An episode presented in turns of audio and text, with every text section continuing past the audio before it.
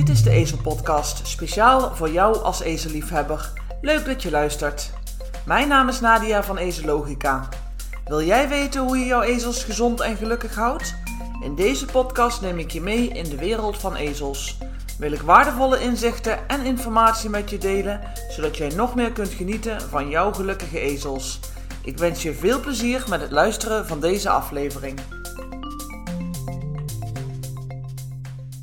Hey, hallo allemaal. Hier is hij dan, de eerste aflevering van deze enige echte ezelpodcast. En om heel eerlijk te zijn, het voelt toch wel een beetje ongemakkelijk en eigenlijk best wel spannend zo'n eerste aflevering. Een paar weken geleden, zo richting het einde van het jaar, dacht ik: wat wil ik in 2023 voortzetten? Wat wil ik anders doen en wat wil ik verbeteren? Hoe kan ik nog meer ezeleigenaren, ezelverzorgers of misschien ook toekomstige ezelhouders helpen? Hoe kan ik een nog grotere bijdrage leveren aan een beter welzijn en imago van ezels? En hoe kan ik samenwerken aan ezelwelzijn? Het bloggen lag al een tijd op zijn gat. Vaak heb ik inspiratie genoeg, dat is het probleem niet. En jij weet net als ik dat we uren over ezels kunnen praten. Ik merkte ook dat als ik dan de tijd had om een blog te schrijven, er best wel wat woorden uit mijn vingers kwamen. Maar vervolgens waren de backspace en de delete knop op het toetsenbord mijn beste vriend. Met als resultaat geen blog. Ik klets nou eenmaal makkelijker dan dat ik schrijf. En nu, nu ik sinds een maand of twee het podcasten ontdekt heb, dacht ik: waarom geen echte ezelpodcast? Ik ben tot de conclusie gekomen dat een podcast opnemen ook weer andere koek is. Maar de aanhouder wint en oefening baart kunst, denk ik dan maar. Dus mezelf een flinke schop onder mijn kont gegeven en hup, hier is dan het begin van de Ezelpodcast. En weet je wat trouwens leuk is? Het deuntje is speciaal gemaakt voor deze podcast. Dankzij mijn vader heb ik nu een eigen originele, een jingle, of hoe je dat ook noemt. Nou ja, in ieder geval een deuntje voor deze enige echte Ezelpodcast. Leuk hè?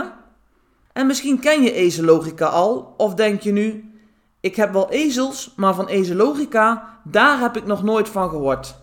Dan wordt het helemaal tijd dat ik me aan je voorstel. Mijn naam is Nadia. Het gezicht, of eigenlijk moet ik met de start van deze podcast nu ook zeggen, de stem achter Ezelogica. Ik neem je in deze aflevering graag mee in de reis van Ezelogica. Hoe is dit alles toch begonnen? Als ik later groot ben, dan neem ik twee ezels, want anders staan ze zo alleen. Als klein meisje was ik al gek op dieren en ik had het eerder over ezels dan over paarden. De liefde voor dieren is mij met de paplepel ingegoten. Het was dan ook niet gek dat ik na de middelbare school iets met dieren zou gaan doen. Veearts worden, dat leek me wel wat, want zo zou ik alle dieren beter en gezond kunnen maken. Maar toen ik ook besefte dat ik op plekken zou komen, of misschien eh, in situaties zou komen waar ik eigenlijk helemaal niet aan wil denken, besloot ik toch maar dat ik wat anders ging doen. En van de andere kant ook een voordeel, want ik zag het aantal jaren dat ik als student zou doorbrengen ineens drastisch afnemen. Na mijn examen ging ik naar het Groenhorst College in Barneveld. Het werd geen veearts, maar paraveterinair.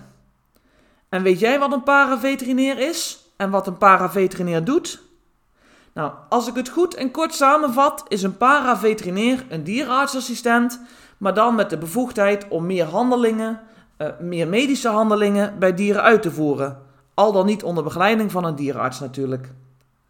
En hopelijk heb ik het zo een beetje duidelijk uitgelegd. En sorry als ik hiermee dierenartsassistenten of paraveterinairs tekort doe, want dat is natuurlijk niet mijn bedoeling.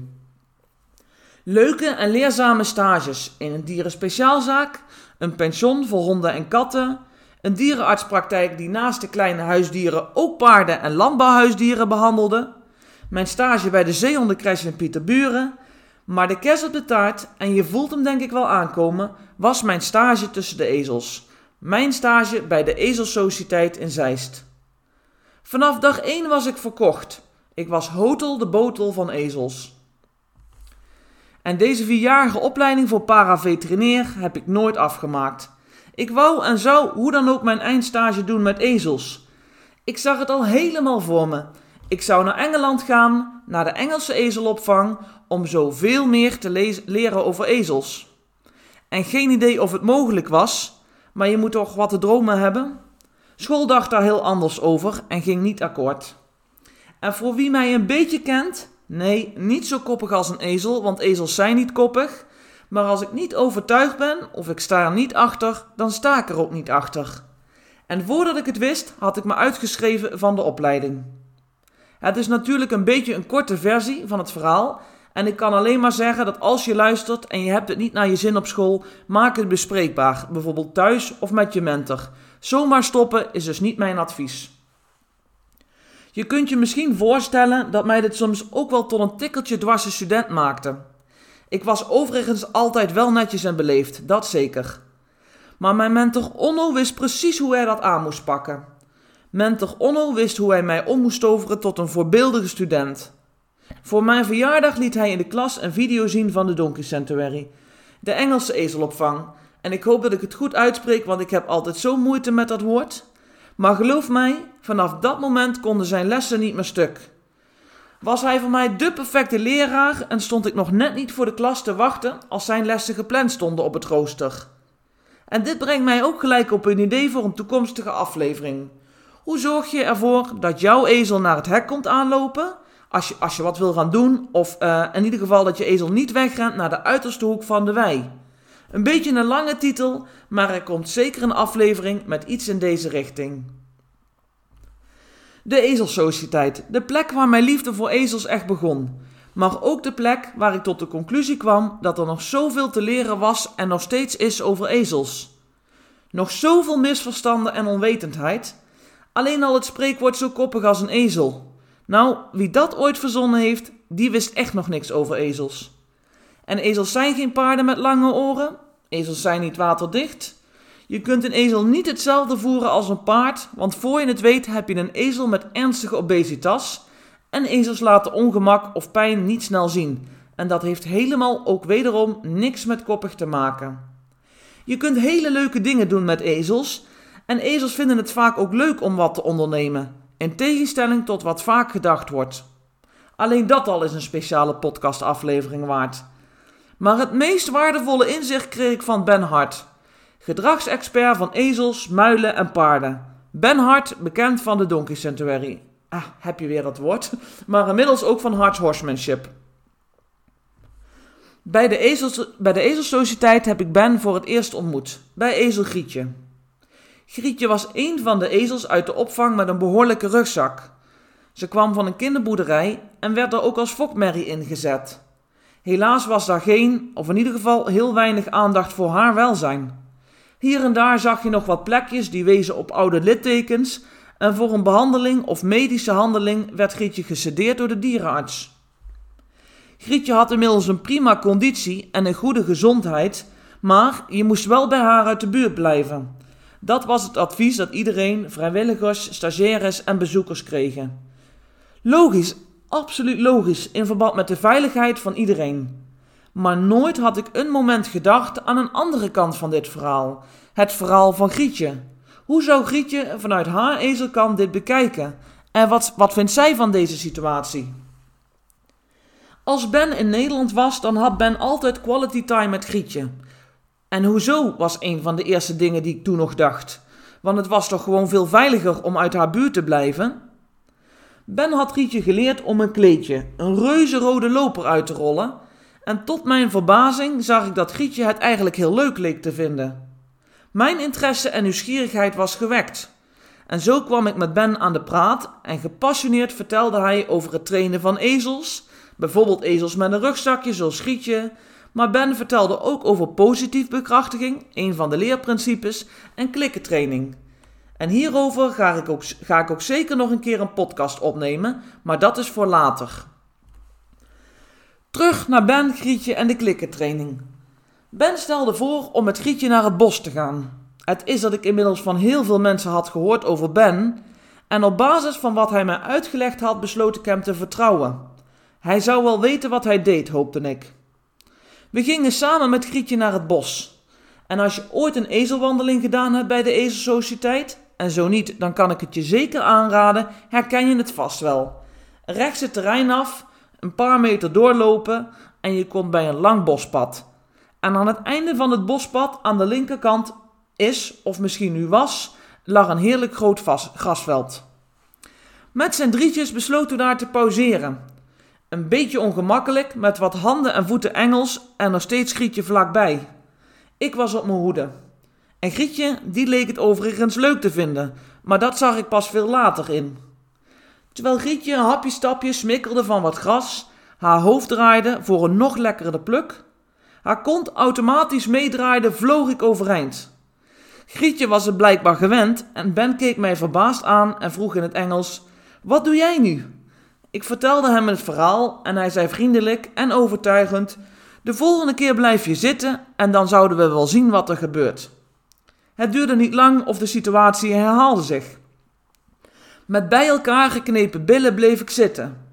En deze keer was het niet Ben die verbaasd keek, maar was het Grietje. Je zag haar bijna denken: Moet jij nu niet heel hard wegrennen? En even een disclaimer: ik wil niemand adviseren om zonder verstand van de situatie zomaar bijvoorbeeld achter een ezel langs te lopen of achter een ezel te gaan zitten. Grietje had blijkbaar geleerd dat het draaien van haar kont ervoor zorgde dat mensen ver uit haar buurt bleven. Maar ja, ik had ook nooit verder gedacht aan hoe Grietje de situatie als ezel zou bekijken. Waarom doet Grietje wat ze doet? De basis was gelegd en onder vakkundige hulp van Ben begon ik met klikkertraining met Grietje. Zo kon ik de training voortzetten als Ben in Engeland was en konden we kijken hoe we de situatie voor iedereen, maar vooral ook voor Grietje, konden verbeteren. Na vele trainingen, geduld, konden we Grietje borstelen en haar hoeven, hoeven uitkrabben, zonder sedatie.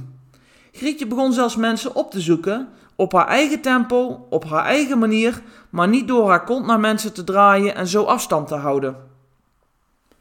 Je kunt je voorstellen dat ik dan ontzettend blij ben dat Ben Hart mijn uitnodiging heeft geaccepteerd om dit jaar, tijdens de Ezeldag, die ik voor het eerst ga organiseren, zijn ezelkennis en zijn ezelwijsheid met ons wil delen. En wil je meer weten over deze dag? Op www.ezelogica.nl schuine-ezeldag vind je alle ins en outs over deze dag. De lessen op de Ezelsociëteit, de waardevolle inzichten van Ben Hart en mijn ervaring met Grietje waren het moment dat ik dacht: hoe fantastisch zou het zijn als er geen verwaarloosde ezels meer zijn? Dat iedere ezel de juiste huisvesting, gezelschap, voeding en verzorging krijgt. Dat iedere ezelhouder, toekomstige ezelhouder, weet hoe je een ezel fysiek en mentaal gezond houdt. Hoe je dingen kunt gaan bekijken met de logica van een ezel. Maar hoe kon ik dat aanpakken? En dit was het begin van ezellogica. Geen ezelopvang, waar ik wel van gedroomd heb. Ik ben nu ontzettend blij dat er een aantal stichtingen in Nederland en België zijn die fantastisch werk doen. Niet alleen de Ezelsociëteit in Zeist, maar ook de Ezelshoeve in Baarle-Nassau, Stichting Ezelwelzijn in het oosten van het land, de SOE, Stichting Opvang Ezels, die heeft inmiddels de krachten gebundeld met de Ezelsociëteit en natuurlijk Annegria in België. Ik heb daar op mijn manier een andere invulling aan gegeven. Ik heb muildieren geadopteerd van de Ezelsociëteit. Mijn bejaarde hond Kloen komt uit een asiel en sinds kort ook een paar kippen geadopteerd om rond te laten scharrelen in onze tuin en ik ben natuurlijk donateur van een aantal dierenwelzijnsorganisaties. Na een tijdje op hobbymatige basis ezels en ezeleigenaren te hebben geholpen met advies en training en een en loondienst, besloot ik weer terug te gaan naar school. Omdat ik 21 was en slaagde voor mijn toelatingsexamen wiskunde, ging ik naar het HBO. Een opleiding voor ezels, het maakte mij niet uit in welke vorm, het ging tenslotte om de ezels, bestond er niet. En zo kwam ik terecht op een HBO-opleiding bedrijfskunde met een combinatie paardenhouderij, een deeltijdopleiding. Om een lang verhaal te kort, kort te maken, ik heb lang mijn best moeten doen, maar ik mocht afstuderen met een opdracht over ezels. De meningen over deze opdracht waren verdeeld, maar met een voldoende sloot ik deze opleiding goed af en ik had mijn opdracht over ezels.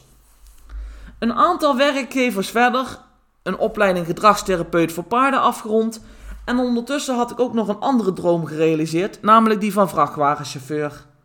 Een fantastische tijd, maar tussen alle wisselingen door was er één stabiele factor: ezels. Zelfs een loopbaancoach was zo eerlijk om te zeggen: Nadia, ik kan je niet meer helpen, want jij hebt maar één ding in je hoofd en dat zijn ezels. Na een tijdje in de lappenmand gezeten te hebben, besloot ik dat, het heel, dat ik het helemaal anders zou gaan doen. Een beenbreuk en weken aan de bank gekluisterd zitten hielp eigenlijk ook mee om tot dit inzicht te komen. Ik ging als zelfstandig ondernemer aan de slag met twee bedrijven, waaronder Ezelogica. En zo ging ik vier jaar geleden naar de KVK, de Kamer van Koophandel. Iets wat mij heel groots en feestelijk had voorgesteld. Hoe naïef kun je zijn? Maar na een verbaasde en medewerker vol ongeloof over mijn idee, liep ik naar buiten, vastberaden om er iets moois van te maken. En weet je, eigenlijk zijn er best wel een aantal overeenkomsten met het trainen van ezels. Wat is de situatie nu en wat is het doel? Heb je een probleem? Dan is het handig voordat je met een oplossing komt om ook te weten wat de oorzaak is. Je kunt een plan maken van hoe je je doel met of zonder je ezels wilt bereiken, maar een plan is niet statisch en je kunt het altijd tussentijds bijsturen. En met alweer de vierde jaargang van het Ezelmagazine op komst, de Ezeldag dit jaar en de start van deze podcast, de Ezelpodcast, hoop ik dat jij als ezelliefhebber nog meer kunt genieten van jouw gelukkige ezels. Bedankt voor het luisteren naar deze aflevering van de Ezelpodcast. Wil jij ook samenwerken aan ezelwelzijn? Geef dan deze Ezelpodcast een review of beoordeling in jouw podcast-app. Wil je een seintje krijgen als er een nieuwe aflevering online staat?